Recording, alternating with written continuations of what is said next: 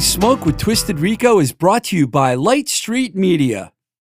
You know how much I love vinyl and going to record stores. Well, my favorite stop these days is Joe's Albums. Joe has two fantastic locations the original at 1317 Main Street in Worcester, Massachusetts, and their newer stop out in the hipster college town of Northampton at 5 Market Street. Both stores have great new releases every week and a huge assortment of used records. You want to check out some cool record stores? Check out Joe's Albums in Worcester and Northampton, Massachusetts. And if you really want to geek out, go to joesalbums.com. By now, you've heard me talk about Baby Loves Tacos over a hundred times, and that's because I've been doing so since this show started back in January 2019.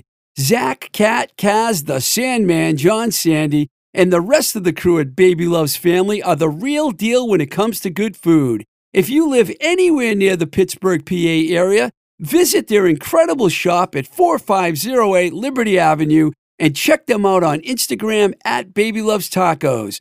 Baby Loves Tacos, where everybody eats.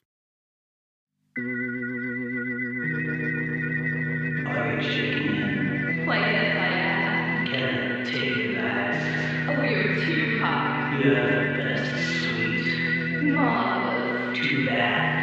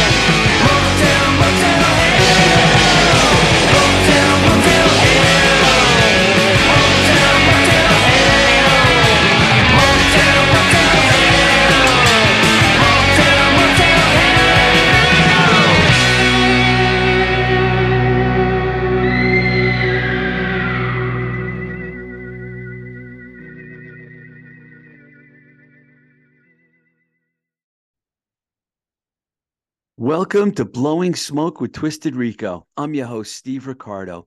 You just heard the fantastic tune Motel Hell from the Oxys' new album, A Date with the Oxys.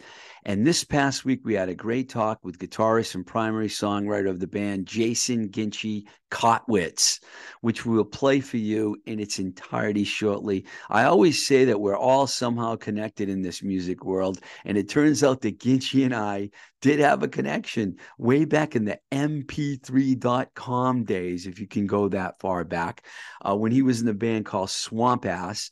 Uh, we're talking pre Facebook, pre Instagram. I mean, it was we're talking a long time ago.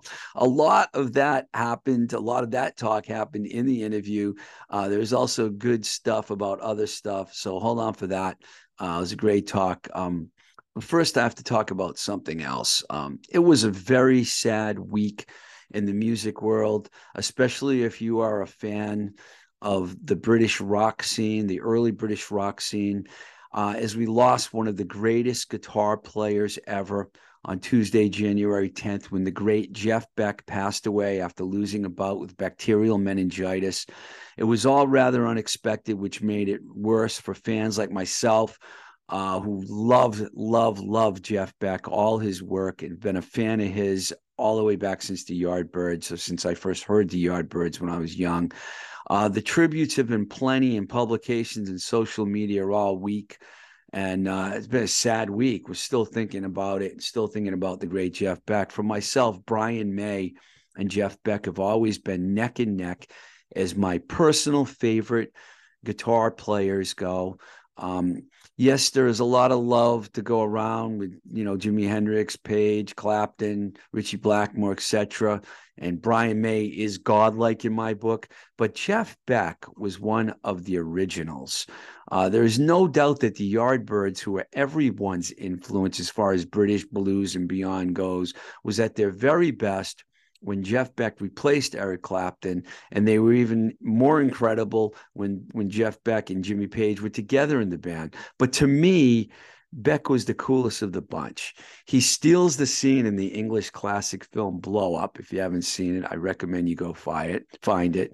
And his unique style cross over to many genres. The Jeff Beck group was fabulous. The Truth album was a masterpiece. Newcomer Rod Stewart on vocals, Ronnie Wood on bass, Mick Waller on drums. Beck's Bolero was which was written by Jimmy Page for Jeff Beck. Incredible versions of Morning Dew and You Shook Me. Uh, the second album, Beck-Ola, followed suit, and the great Nicky Hopkins joined the band. Rough and Ready, the third Jeff Beck group album, saw more personnel changes, but was still on par with the other records. And the self titled fourth album with the brilliant cover of Going Down, another fantastic one. Of course, there was also Beck, Bogert, and. None of them were lead singer material, and none of them really could sing greatly, if you can say that. But the album is still fantastic. And then there was a slew of brilliant solo records, including Blow by Blow, with the amazing instrumental because we we've ended as lovers, which was penned by the great Stevie Wonder. Yes, there were nine more solo records, multiple collaborations. Uh, when Beck joined Clapton at the Crossroads Festival three times, I think you saw what a great guitar player Jeff Beck was and how he was in a league of his own. Um, and and that that alone right there, if you can find those those appearances, you mean no one could touch him. Uh, Bob left Lefsetz, who's a who's a great who has a great podcast and is a great writer, writer, said this, and I'm going to quote you: "Don't confuse Jeff Beck with the people uploading hundred thousand tracks a day to Spotify. We're talking something different here. Michael Jordan." Pele, those who transcend their field. It's the end of an era, but the train keeps a rolling all night long. Jeff Beck, one of the greatest ever. Rest in peace. Okay. Um, let's check out this great interview I did with Ginchi from the Oxys. Uh, the Oxys, by the way, might very well be the coolest band in the United States of America right now. Yes, I'll go on record and say that. They're really good. I highly recommend you check out their record. Here is that great conversation I had on Zoom with Ginchi. Enjoy. All right, Ginchi, good to have you. Um, yep, thanks for having me. Before we uh, talk about this fucking fantastic record that the Oxys made, I wanted to ask you about uh, your upbringing, like where, where you grew up and how you got started in music and like, you know, your childhood and when you started playing and stuff. Well, I, I grew up in Illinois, pretty much in a cornfield in the middle of nowhere. Um, and I learned how to play guitar probably for lack of better things to do. Um, I had I had a great grandfather who was a uh, bluegrass fiddle player, and he used to pass instruments down to me. So I kind of always had those laying around as as a kid. And then you know when I was probably 11 or 12, I started taking an interest in it and learning how to play. And uh, one of my uncles gave me an acoustic guitar, and I started learning how to play on that. Um, just kind of taught myself, picking up, you know, guitar here and there when I could. Could it? It wasn't as easy back then because, um, you know, obviously there was the internet was did not exist, so it's not like I could pop on YouTube and watch instructional videos or anything like that. So basically, uh, I subscribed to Guitar Magazine and I would read those articles. And then I, I, learned how to read tablature. And then I got to the point where I could teach myself how to play basically. What's the time frame when you were a teenager? What de- what are we talking? Which decade here? When I was a teenager, it would have been um, the early '90s. Early '90s. Yeah, early mid '90s. And you you said you grew up in Illinois. Did you stay there long, or did when did you leave Illinois? Man, I stayed in Illinois until I was maybe mid late twenties. And then you, know, you went to Texas. I went. I, yeah, I went to. I moved to Austin, and then I moved. I didn't stay in Austin that long, and then I moved to Santa Cruz, California. Oh, stayed nice. out there for, for a hot minute, and then I I moved back to Austin, where property was affordable. What made you go to Austin in the first place? Because it was a vibrant music scene and South by Southwest and all that stuff. I mean, what drew you to Austin? You know, I, I had played in Austin a couple of times before I moved down here. You know, obviously like South by Southwest and things like that. Mm-hmm. Being being out on tour, I would come through Austin, and um, I liked the city at that time. Um, it, it was a lot lot different than it is now, but yeah. Uh, yeah, I, I I enjoyed the city, and and I honestly I was just over Illinois. You know, that was unless you're in Chicago, there's just not a whole lot to do there. Yeah, Austin became totally overpopulated. I used to go to South by Southwest every year, and I remember going there in the 80s and 90s, and was awesome. And now it's just so populated down there. I can't can't believe, man, how, how populated it got. Going back for a second here, um, when did you start playing in bands? How old were you, and who were some of your early bands? You know, when I started playing in bands, I was probably 14, 15 years Young. old. And you like I said, you know, where I grew up, there I didn't have uh, there weren't a lot of kids that played around me, you know. I was pretty limited to who could actually play, which you know is few and far between. But one of my uh, close friends was a drummer so that that was that was great. Um, I would always play with him, and then we would find a bass player wherever we could. It might be a neighboring town, you know. It, it just it depended. It sounds like you were in the middle of nowhere. I, I was totally in the middle of nowhere. I was in was, central. I was in central Illinois. I mean, there's just nothing there. There's literally nothing there but cornfields. I've driven through Illinois uh, myself many times, stopped in some of those cities there.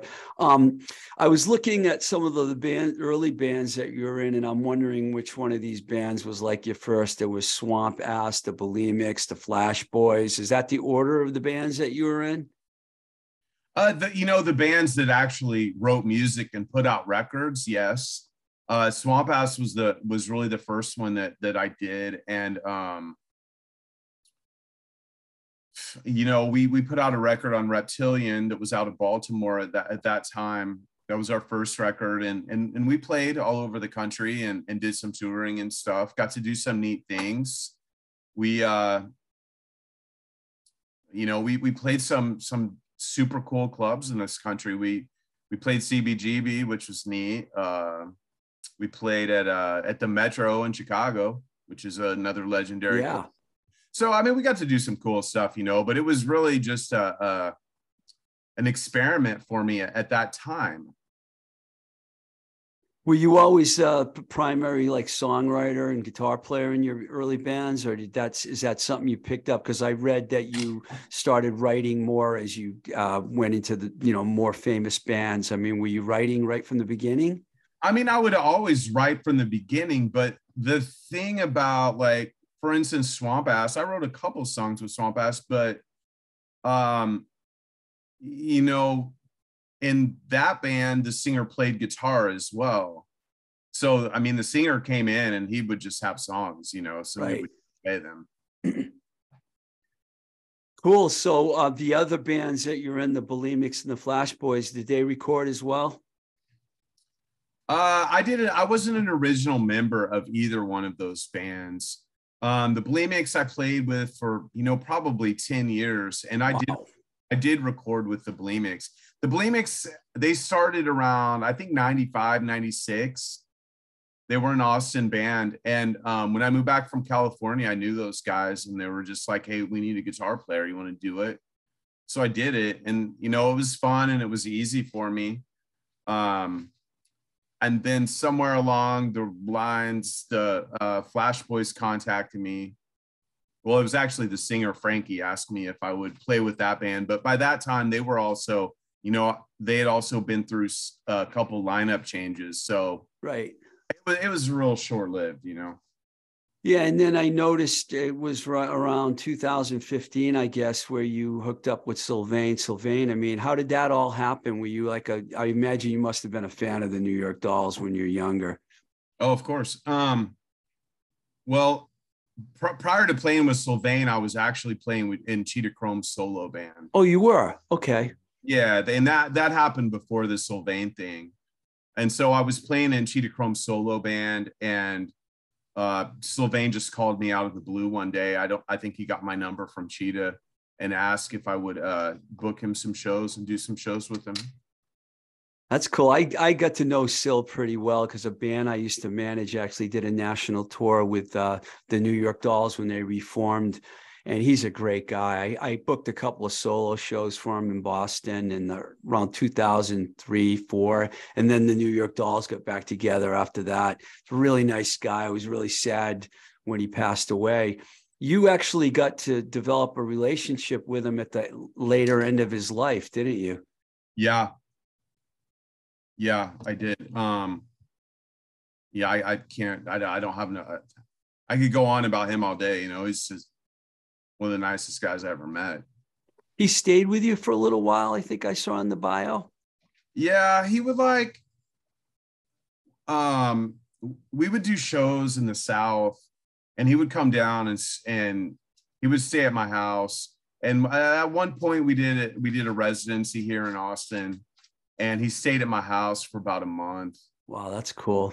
I don't know. Yeah, and he was he was staying here, and um, yeah, we would just play shows and hang out, and play guitar. He he did a lot of sewing at the time, so he would he would sew. He would go to he would, he would go out and shop, you know, at vintage shops around town and stuff like that.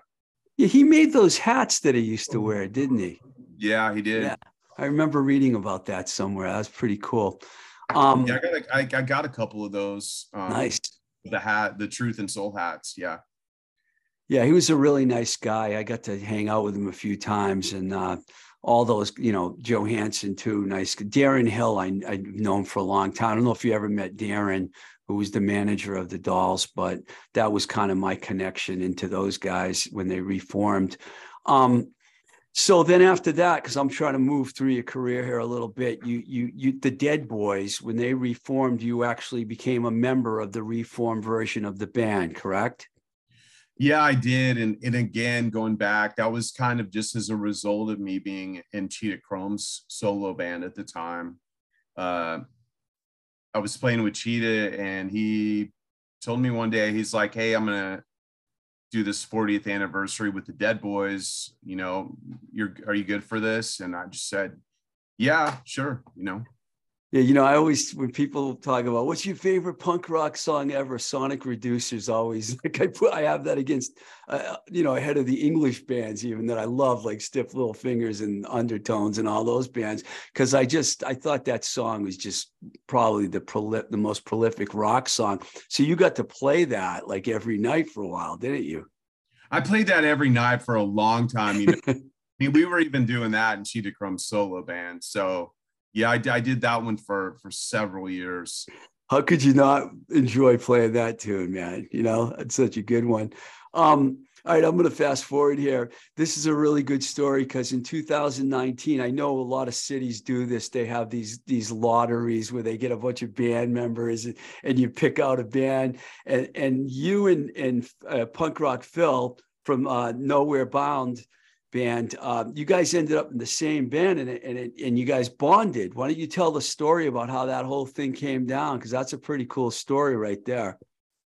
Well, I, you know, I I lived in Austin for years, and I, I'll, I'll a ton of my friends would always do the punk rock lottery, you know, and Yeah. we'd all just rave about how much fun they were having doing this, and and uh, yeah, in two, I think it was 2019.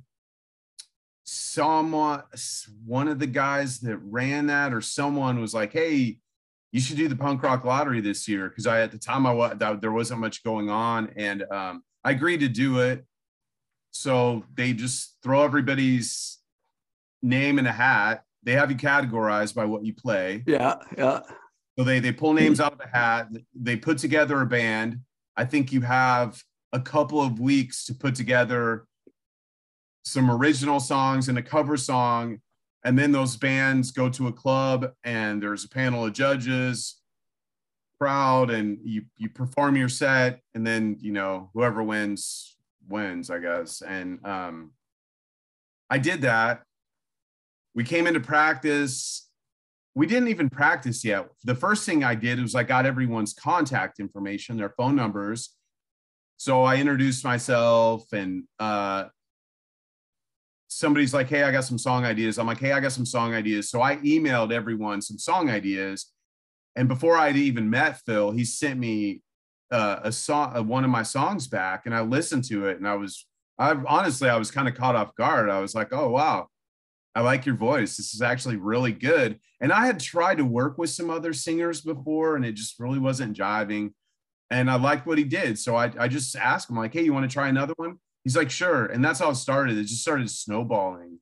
And How I just, the, I just kept sending him songs, you know. so how did it go when you guys played the uh the the, the show? Oh, we well, we won. You won. Awesome. Yeah, yeah, yeah, yeah. We we won. So uh that was it was fun. It was fun, like everybody had told me. It was a great time. Uh yeah, so I I think two of the songs that are on that record were actually played that night. Really? Yes. Yeah. So um it would have been it would have been the second song on the record, Motel Hell, and the second to last song on the record, Anxieties. We we played those in our set that night. That's cool. You know, and, and as the story goes, you guys ended up bonding and you started working together. And then you talk. I understand you had written some songs while touring with Cheetah Chrome or maybe even Sylvain. I, I didn't write that down, but um, you brought some of the songs that you already had to to to Phil, and then you guys worked these songs out together. Is that what happened? Yeah, I mean, I had I I I think I had like a hundred songs demoed maybe at the time. Wow. maybe more than that. And so I just um the material was kind of already there for an album, you know. And so I just started bouncing songs off Phil and we started demoing songs. And uh then we started sequencing the songs and I was like, "Oh, well, you know, I think we need this kind of song for the record and maybe we'd write another one." But anyway, you know, it, a day with Oxys is that's what it's a result of. So yeah, I, I would say from 2011, 12. I, I mean, I'd, I'd been writing songs and banking them kind of the whole time pretty steadily. Do you have like a home studio that you record in? Yeah, I do. So you do your own recording at home, and then I mean, what do you? I mean, I imagine it's all digital now. You could tell I'm old because I still think that people still have tape machines. I Yeah. wish everyone had a two-inch tape machine, but you know, I wish I had a two inch tape machine. Actually, I don't. They're so big and bulky. And, you know, my studio space in my house is pretty confined to a specific area. And There's a- uh, there's a couple studios in Boston where I am where you can go and record. Like a lot of people like to record drums on two inch tape and then do the rest of the record and mix it all together. I'm not Yeah. an engineering expert, but I know that I've seen the two inch tape every now and then at a couple studios, not like it used to be, but. Um, so you guys had a lot of songs to pick from when you narrowed it down for the uh, a date with the Oxys record. Now, did you have the deal already with Deadbeat, or did you like put the whole record together and then do the deal? No, I sent him the record. It, it was it was done when I sent it to him. I just sent it to him and basically I I I shopped it to like a couple uh different labels I knew and stuff, and we had good interest in everything. But at the time, um, it it was really hard to get a record out of the plants because they were so backed up yeah, believe it still is that way. I don't I don't know. I don't deal with that end of it, but I know we wait we waited quite a while to get our record out of the plant. But that that was part of the reason I went with Deadbeat. I like I like what Tom does at Deadbeat. He's done it for a long time. But um you know, he seemed to be able to get it out the fastest. And we'd already spent so much time confined to our homes and stuff like I, I was out of patience at that point you know? I just wanted to get a record out. So we did that and it's uh it's worked out well. I'm very appreciative of, of what tom has has done with us and and helped us out you know? Um he's got another record right now that he's sending to the plant. It may already be at the plant i'm not not certain. Your second record. yes. Oh wow! So you guys already have another record in the can. Well we have three records in the can Whoa, that's good, man. You do it. You did. You had that catalog. You used it. That's cool. Yeah, well, after the first, we we kind of have a system now. It's like after we did the first record, we demoed another, I don't know, seventy five songs, and then we, you know, picked what we wanted for the second record, and then immediately after that was done, we just started recording more songs for a third record. So yeah, we have a lot of, with all the leftover. We could probably do a fourth record with all the leftover songs. You know, A box set. yeah, I, I guess. What about the other guys? I should ask you about that. How did you get the rest of the band together? Um, so Gabriel, who is a librarian, he's the bass player. Nice. He's a librarian, a librarian, and he's also has a traveling puppet show. Um, he played with me in the Cheetah Chrome solo band, and he also played with me in Sylvain Sylvain and the Sylvains, which is what we called ourselves. Yes. obviously. Um, and he's just he's kind of my go-to guy, you know. I played with him for so long. I, I give him songs and I don't have to worry about anything. He's responsible. He learns the music. He performs it well. So um, he came on board, and then the current drummer Rob Williamson. He was in um, a band called Nowhere Bound. Yeah, that's what Phil was in that band too, right? Phil was in that band for a hot minute. I mean, that was kind of Phil joined the band at the at the pan at the uh, during the pandemic or right at the beginning of the pandemic, I think. So I think he did like one streaming show with them. Um, They're a cool band. I checked out the video they had out. Uh, they're very, very liberal band for sure with their their their approach to everything, the way they write. mhm. That's one thing I did notice about them, which is Yeah. good for me. I didn't care. I liked it. I liked what they were singing about. So that was so he was in the nowhere band longer than Phil was, is what you're saying. Oh yeah, like Rob was in the band for quite some time. You know, he did all the records and all the touring with them and everything. And like I said, towards the end of the or the beginning of the pandemic, I think that's when Phil started to join him and they had a show scheduled, I think, and it got canceled maybe because of the pandemic. But yeah, he did the one streaming show with him. So it was really a, a hot minute for him. Did the I mean, it's hard to talk about the pandemic because it like slowed everyone's life down and made everyone's lives crazy. Did it really start affecting you bad? I mean, were you when you were locked down, were you like able to get work done? I mean, what were you doing during the lockdown? I was playing music the entire time. I mean, I was I was writing music uh, you know, I didn't have anything to do. So I would just sit there and record music and write songs. And, um, you know, I, I'm married and I have, um, I have a 10 year old and my wife has an 11 year old boy. So, uh, the family was at home and we would just find things to do. We were playing a lot of Monopoly, you know. You live you live right in you live right in the city of Austin? I, I live in Austin. Yes, I, I live on the south side. Yeah, I, it's been a while since I've been there, but I, I, you know, Sixth Street and all the good food, good, good places. I, I love. I worked on a movie down there in 1991, actually, and I was there for a month, so I really get to know it. But like I said, it's a different kind of place now, you know, than it used to be. A lot more people down there. Um, I really, really liked the video that you guys did for liars, betrayers, and spies. It's really good. How how did you come up? I mean, what was your old plan with that? Did you want to just do a live video like that? Did you guys come up with the concept, or did you work with your label? And how'd that how'd that all come together? Um, that was kind of so the the lead up to our record was really bizarre.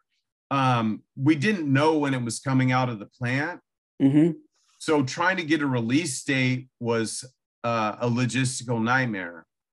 And then also in July we had our first show scheduled in New Orleans at a at Creepy Fest, which is a local festival thing they do there.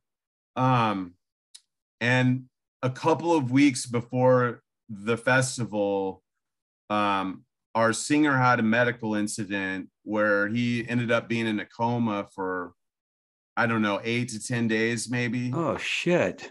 And it it didn't look good. He fortunately he made it, obviously. But um, so the first show we did, we had a replacement singer. And this Uh, was this past July. Yes. Wow. Yeah. So we had so we had a replacement singer, and it, the replacement singer, ironically, was the other guitar player from that band, Nowhere Bound. Natchez Taylor. So Natchez is a friend of mine. I've played in Natchez, uh, one of Natchez bands before. He's played with Rob and other bands. So it was kind of like, well, are we going to be able to do this show? And it was just like, well, I guess we'll call Natchez and ask him, and if he can do it, we'll do it. But he's the only guy we could think of that we thought could pull it off. Um, so he did that. Uh, Phil recovered, but it took him a while to get his strength back. You know, I mean, it's and then our first show was on Halloween in Austin.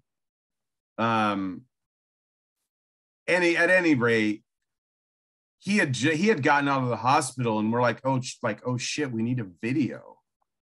You know, we we were really ill prepared, and um, so we just had some friends who recommended a video guy to us here in town. I think he's the front of the house guy for um, Goo Goo Dolls. Oh, cool. Yeah, yeah, his name's Adrian. And I I called him and I'm just like, hey, can you do a short notice video for us? I'm like, just set us up in whatever room and we'll just play live. I mean, that was all there was to it. I'm not really into the scripted videos and all that jazz. Concept videos, you mean? Yeah, it's it's I don't have the patience for it. Um just throw me in a room and let me play and, and record it and there it is. Well, it was. It, you guys are seem like you're a great live band. I mean, just from watching you in the video, I could tell I would like it. It's that old school, like guitar, punky. You know, it's got aggression. I really like. I really like your record a lot. Um, do you plan on going on tour? I mean, do you have a plan for a tour? Well, this is something we have recently been talking about. Um, you know, initially when we started the band, I didn't I didn't even know what we were going to do with the band. Um, me and Phil were making music, and at the time we couldn't leave our house, so I was content doing that. And I hadn't even thought about touring. I was just like, well, we can't do anything. Let's make a record, you know. And Mhm. that, and then we made another record, and then I started thinking about it and playing the songs for my friends. Some of my friends were liking it. So I was like, okay, I think we're on to something. We put the record out, and then it's like, okay, well, we can still just put records out. But then I get people emailing me, hey, when are you guys coming here? When are you coming here? You know, when are you coming to town? Um, so we're we're working on that right now, trying to figure out what we're gonna do. But I, one thing I knew I didn't want to do was I didn't want to just get in the van and hit the road right away without laying some sort of foundation for the Right. band first because I I mean that that was fun when I was 20, you know, it's it not so enjoyable anymore. Um I can relate. yeah, yeah. Like the whole DIY thing for me is not Were you were you part of the Dead Boys thing that started and then Cheetah Chrome got sick and they had to cancel it? Were you on that? No. I wasn't on that. He's he's switched up bands because when we originally did the 40th anniversary, Johnny Blitz, the original drummer, also doing that with us. And Ricky Rat from the Trash Brats was playing bass for us.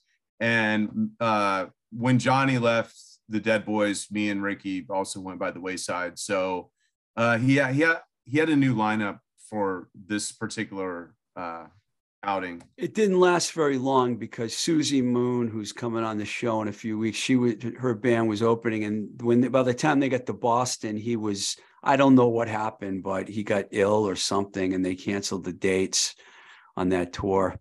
So it wouldn't have been a very long tour for you, but hopefully he's okay. Um, so you're just cautiously optimistic about going on the road, basically, and you're just waiting for the right opportunity. Do you have a booking agent?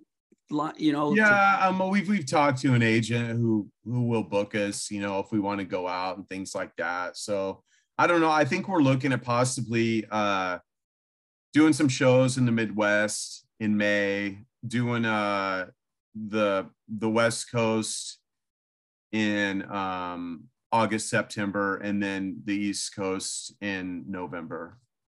cool. That's kind of Well- what we're looking at right now. So it will we'll get that underway here pretty quick. That's cool. I wanted to just ask you about your personal music uh, and what you like. Do you listen to a lot of music? Do you listen to records? Do you use streaming? I mean, how do you listen to music? And is there anything you've been? Are you, are you into the old stuff? You like new stuff? I mean, what do you listen to? Um, so yes, I, I listen to an obscene amount of music. Um, and for the most part, I like 70s music. Uh, of course, I grew up in the 80s, so I love the 80s pop stuff. Um, some of the late 80s, you know, with all the hair metal bands, like some of those bands are okay, not I, I probably enjoyed that a lot more when I was living in the moment as a child. Mhm. Um, the 90s, I, I don't really have much love for 90s music. Uh, When you say the '70s, are you talking early classic rock? Or are you talking late punk rock '70s? but both, I love all of it. yeah, me too, man. You know, I Yeah. love all of it. Uh, I mean, I listen to stuff where I tell my friends and they just look at me and roll their eyes, you know, like I'll have on a Lynyrd Skynyrd album or something and they'll be like, what is this? Like, I, but uh, I really like that whole New York scene in the late 70s, all those bands. Uh, like Bl- Blondie and the Ramones and Talking Heads and those yeah bands? yeah i love i love all that stuff but i also love the early the early new york stuff um the velvet underground uh big on the stooges mc5 of course all the the for our forefathers of, of punk rock i guess say um uh, i love the heartbreakers i love the canadian band teenage head um Good at, one. at the same time i love acdc um You do vinyl? yeah Vinyl, yeah, me too, man. I'm I'm total. Do you ever listen to streaming or are you just on the records?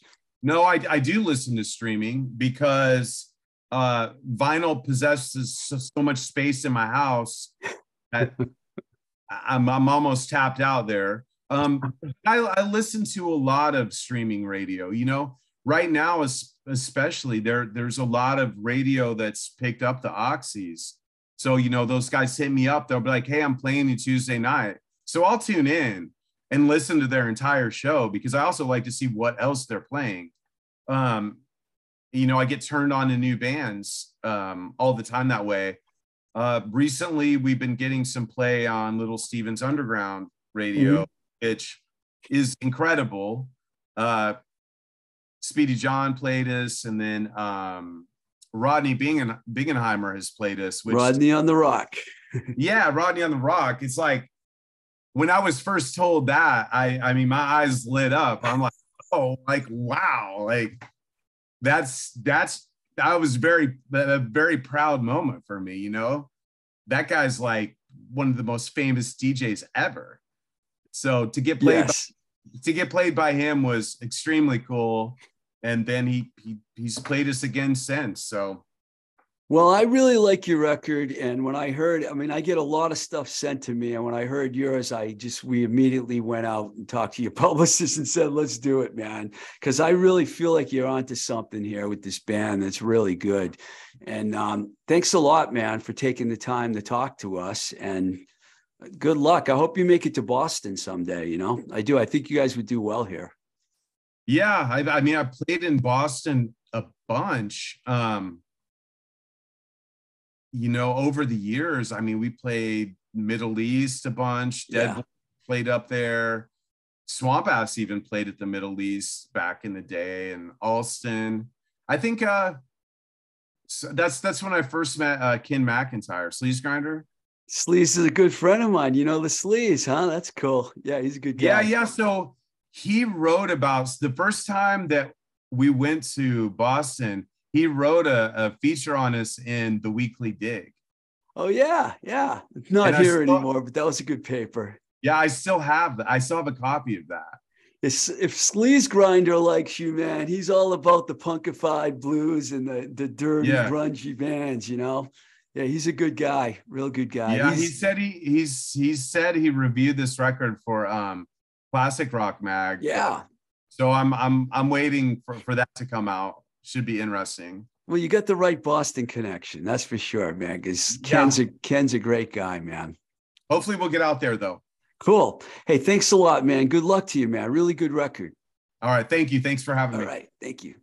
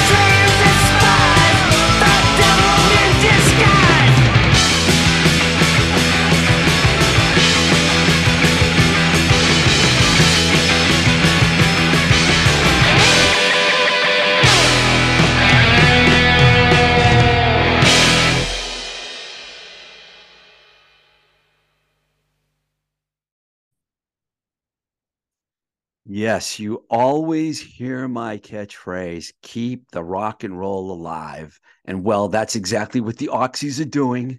They're doing just that. and it's guys like Jason Ginchie Kottwitz that are driving the car. Do yourself a favor, grab their new album, their debut album, A Date with the Oxys. If you're a fan of the Dead Boys, Cheap Trick, New York Dolls, you know, good old American rock and roll, this is your rock and roll candy for sure. I really dig this band and I am ecstatic that we had them on the show and i i can't wait till they go on tour because that is a, a, band that'll get me out of my house to go see without a doubt um, as you know, Blowing Smoke with Twisted Rico is a free show supported by you, the listeners. And if you want to contribute to the show, there are two ways you can do that. We have a Patreon account, patreon.com forward slash Twisted Rico. You can also support us on Anchor and on our homepage, anchor.fm forward slash blowing smoke tr if you've not subscribed to our pages we're on apple spotify youtube. Yes please go there. Subscribe rate do everything you have to do. It only take a minute. We need you man. Do it do it. Also if you're an artist musician producer music writer comedian actor sex worker eh, whatever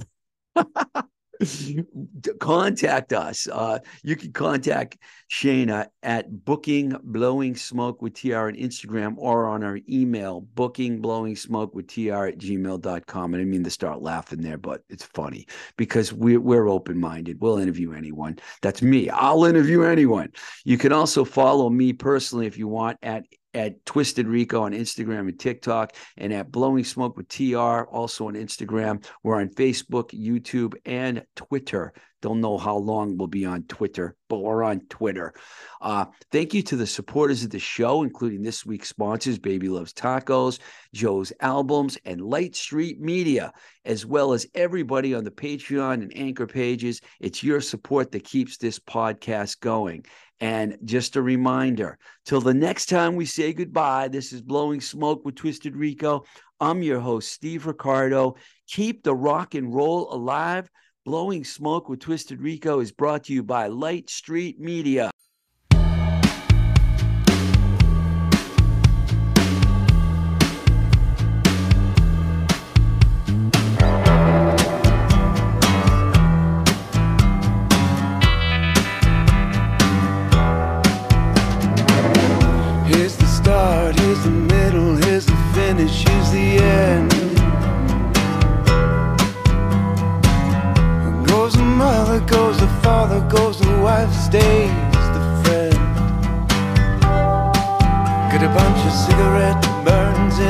back of my head. Bunch of cigarette burns in the words I've said.